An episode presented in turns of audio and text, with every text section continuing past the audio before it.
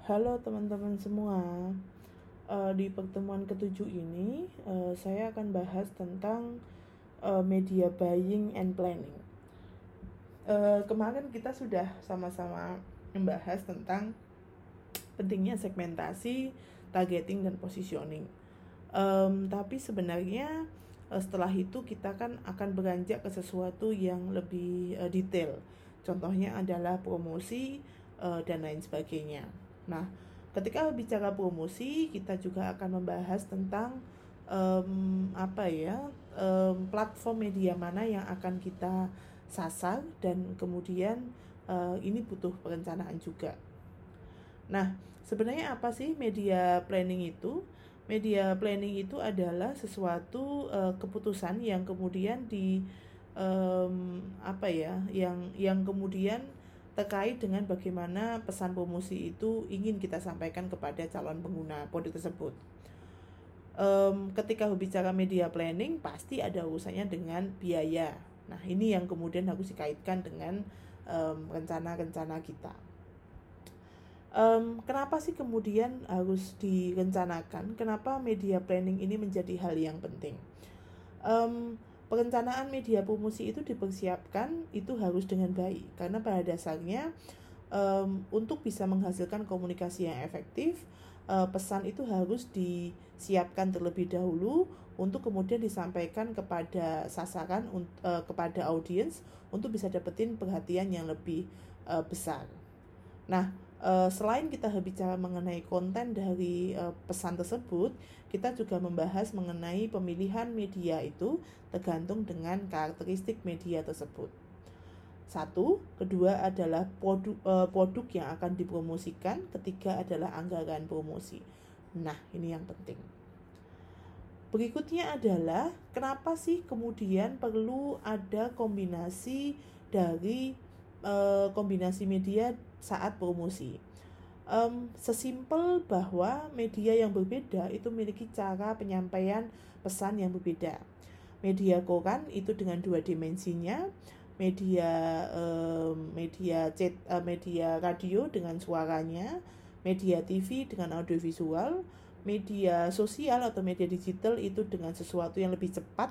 Jadi biasanya masuk dalam postingan-postingan uh, keseharian kita atau kemudian nanti kita bisa mengenal yang namanya uh, direct promotion, personal selling dan lain sebagainya. Itu semua memiliki cara penyampaian yang berbeda. Nah, kalau ngomongin cara uh, penyampaian berbeda, pasti dampaknya juga beda. Pemakaian media yang cuma satu atau tunggal itu sangat susah untuk menjangkau semua target pasar sasaran. Kita tahu bahwa kalau setiap usia, contohnya X, Y, Z, itu pasti punya preferensi media yang beda-beda. Nah, itulah kemudian uh, kita perlu adanya strategi media untuk bisa kemudian mengakomodir penggunaan uh, media dari uh, lebih dari satu. Komponen media planning itu ada empat. Pertama adalah tujuan dari media tersebut, kedua adalah strategi media, ketiga adalah program medianya apakah tepat, keempat adalah biaya dari media tersebut dari cycle media buying itu pertama kita mulai masuk dari brief dulu. Brief ini biasanya sesuatu yang sangat uh, mendasar dulu. Oke kita punya produk ini kita punya um, apa ya kita punya sesuatu yang mau kita jual. Nah kemudian kita perlu research terlebih dahulu. Ingat research bukan berarti harus berupa sesuatu yang diedarkan ke masyarakat berupa um, apa brosur dan lain sebagainya. Enggak tapi bisa kemudian kita melakukan riset kecil-kecilan contohnya melalui riset internet. Berikutnya adalah strategi, kita menentukan strateginya seperti apa. Berikutnya adalah pemilihan media, kita tentukan media sesuai dengan kebutuhan dari riset tadi. Kemudian kita eksekusi, baru kemudian kita melakukan uh, evaluasi. Tujuan dari media itu sebenarnya ada tiga hal. Pertama adalah jangkauan.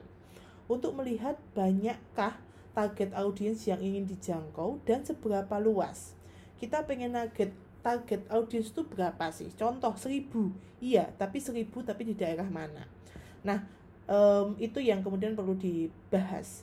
Berikutnya adalah frekuensi. Frekuensi menunjukkan berapa kali terpaan media yang direncanakan terhadap target audiens. Contohnya ketika teman-teman pernah mendengarkan iklan Mastin Good, itu bahkan ada di setiap akhir acara, mungkin kalau nggak salah di Indonesian Idol. Jadi ketika selesai acara langsung masuk ke Mastin Good, bahkan sebelum masuk ke acara ada Mastin Good lagi. Itu yang namanya terpaan. Frekuensinya sangat signifikan. Berarti pengen berapa kali ketemu uh, iklan tersebut pengen berapa kali ketemu dengan audiens. Itu yang namanya frekuensi. Ketiga, itu adalah kesinambungan, menjelaskan jangka waktu e, kampanye tersebut direncanakan. Kita mau berapa lama? Kalau tadi frekuensi e, mungkin sehari tiga kali, iya, tapi jangan-jangan cuma tiga kali aja. Kita butuhnya bahkan pengennya sebulan. Nah, itu yang namanya kesinambungan. Berikutnya adalah strategi media. Nah, strategi itu e, bisa kemudian kita pahami tentang um, sesuatu yang ingin dilakukan untuk mencapai tujuan. Nah, lalu apa yang kemudian perlu dipersiapkan dalam menentukan tujuan strategi media itu? Pertama adalah uh, jenis produk yang akan diproduksi, eh, dipromosikan. Um, setiap produk itu punya preferensi beda-beda. Contohnya kalau kita punya produk um, rokok, nah rokok itu ternyata sangat segmented sekali Segmented itu artinya segmennya ada tapi harus hati-hati karena produknya tidak bisa disebarkan di waktu-waktu yang uh, di jam-jam prime time. Nah, itu namanya perlu pertimbangan jenis produk. Kedua adalah jenis media yang sesuai dengan target sasaran. Kita mau target siapa? Usia uh, generasi X, Z, Z. Itu perlu dipertimbangkan dengan uh, kondisi yang ada. Nomor tiga adalah proses keputusan pembelian oleh uh, konsumen. Kita pernah membahas bagaimana um, proses kebut uh, proses mereka membeli itu mulai dari apa dulu kebutuhan atau keinginan. Dia menginginkan sesuatu atau membutuhkan sesuatu. Setelah membutuhkan sesuatu atau menginginkan sesuatu, apa yang mereka lakukan? Mereka cari di media mana. Nah, di media itu yang harus kita uh, kejar biar kemudian ketika dia menginginkan sesuatu langsung lihat iklan yang kita inginkan. Seperti itu.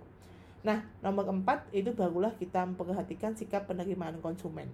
Di sini kaitannya dengan apakah mereka itu suka, apakah mereka itu tidak nyaman dan lain sebagainya. Itu yang perlu kita pertimbangkan juga. Berikutnya adalah um, strategi media memerlukan fleksibilitas. Um, karena pada dasarnya bisa terjadi tiba-tiba adanya perubahan strategi. Contohnya fleksibilitas itu adalah pertama peluang pasar um, peluang pasar ini bisa menjadi uh, sesuatu yang bisa ditangkap oleh semua merek. Contohnya ketika berbicara mengenai uh, kondisi pandemi. Pandemi ini ternyata sangat uh, menjadi peluang bagi uh, industri farmasi terutama untuk suplemen. Nah, suplemen apa yang kemudian mengambil peluang ini? Nah, kita bisa mengatakan jangan-jangan semua semua suplemen. Berarti kalau seperti itu peluangnya terbuka lebar.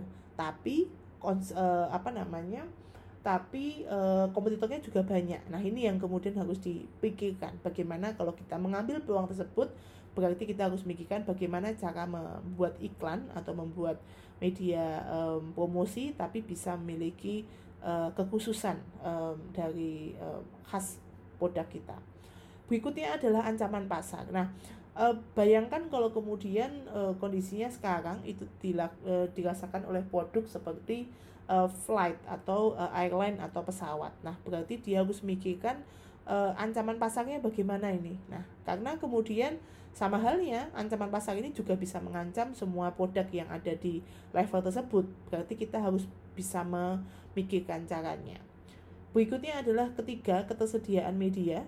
Ketersediaan media di sini kaitannya dengan um, apa ya apakah kemudian um, media tersebut bisa mengakomodir kebutuhan kita apa tidak um, contohnya ketika kita pengen uh, iklan tersebut ada di anak-anak sekolah gitu padahal kenyataannya uh, media tidak bisa menjangkau anak sekolah karena anak sekolah sekarang um, sekarang uh, tidak di sekolah. Nah, berarti harus cari cara nih media mana yang bisa mengakomodir kebutuhan kita untuk bisa menjangkau anak sekolah. Nah, kita harus nyari media mana yang bisa menjangkau usia-usia contohnya SD, SMP, SMA. Nah, kita perlu mempertimbangkan ketersediaan media.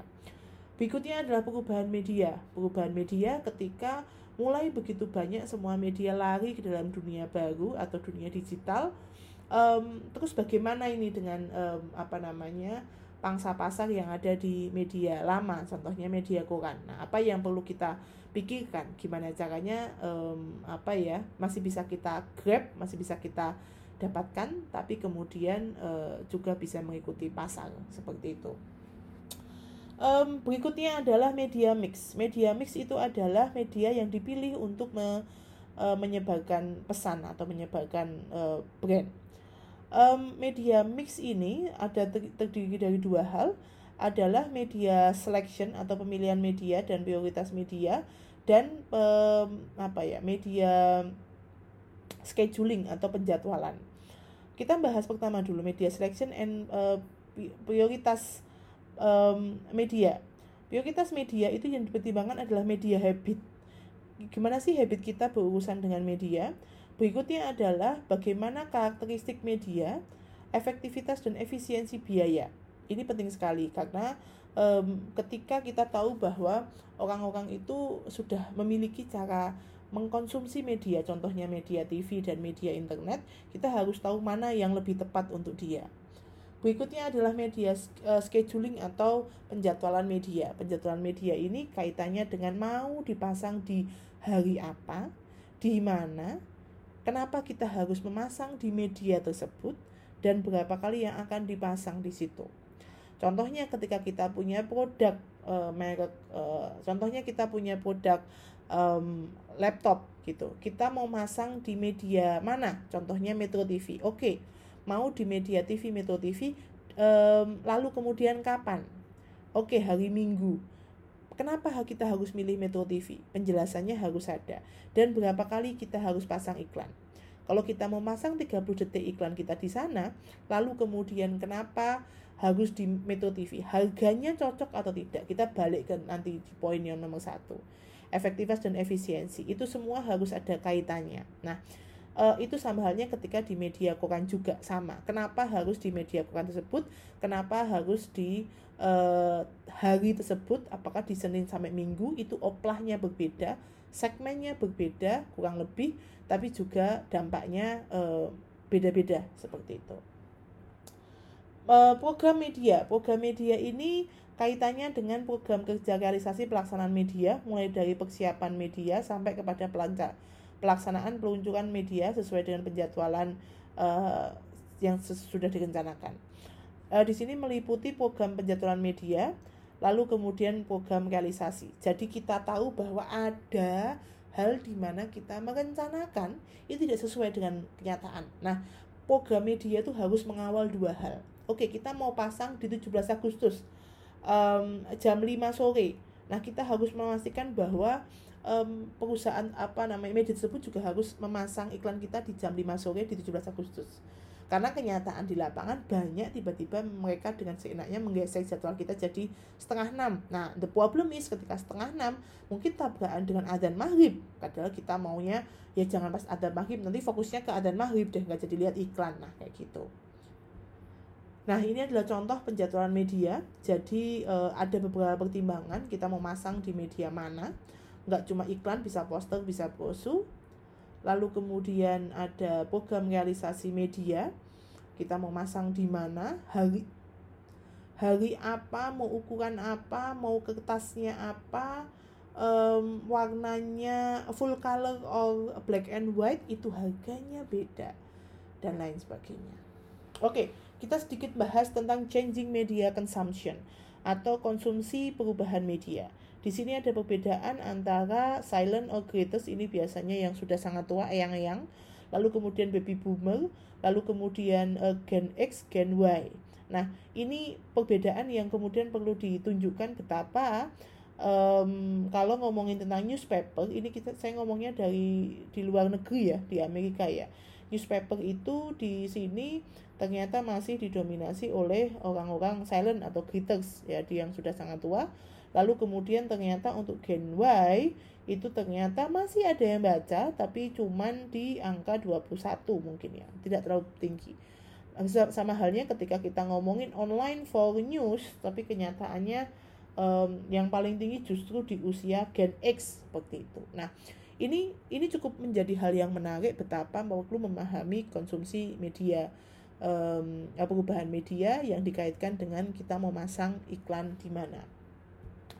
Di sini ada tambahan sedikit tentang kaitannya dengan berapa jam dia mengkonsumsi media. Kalau di sini contohnya ada TV, radio, internet dan lain sebagainya.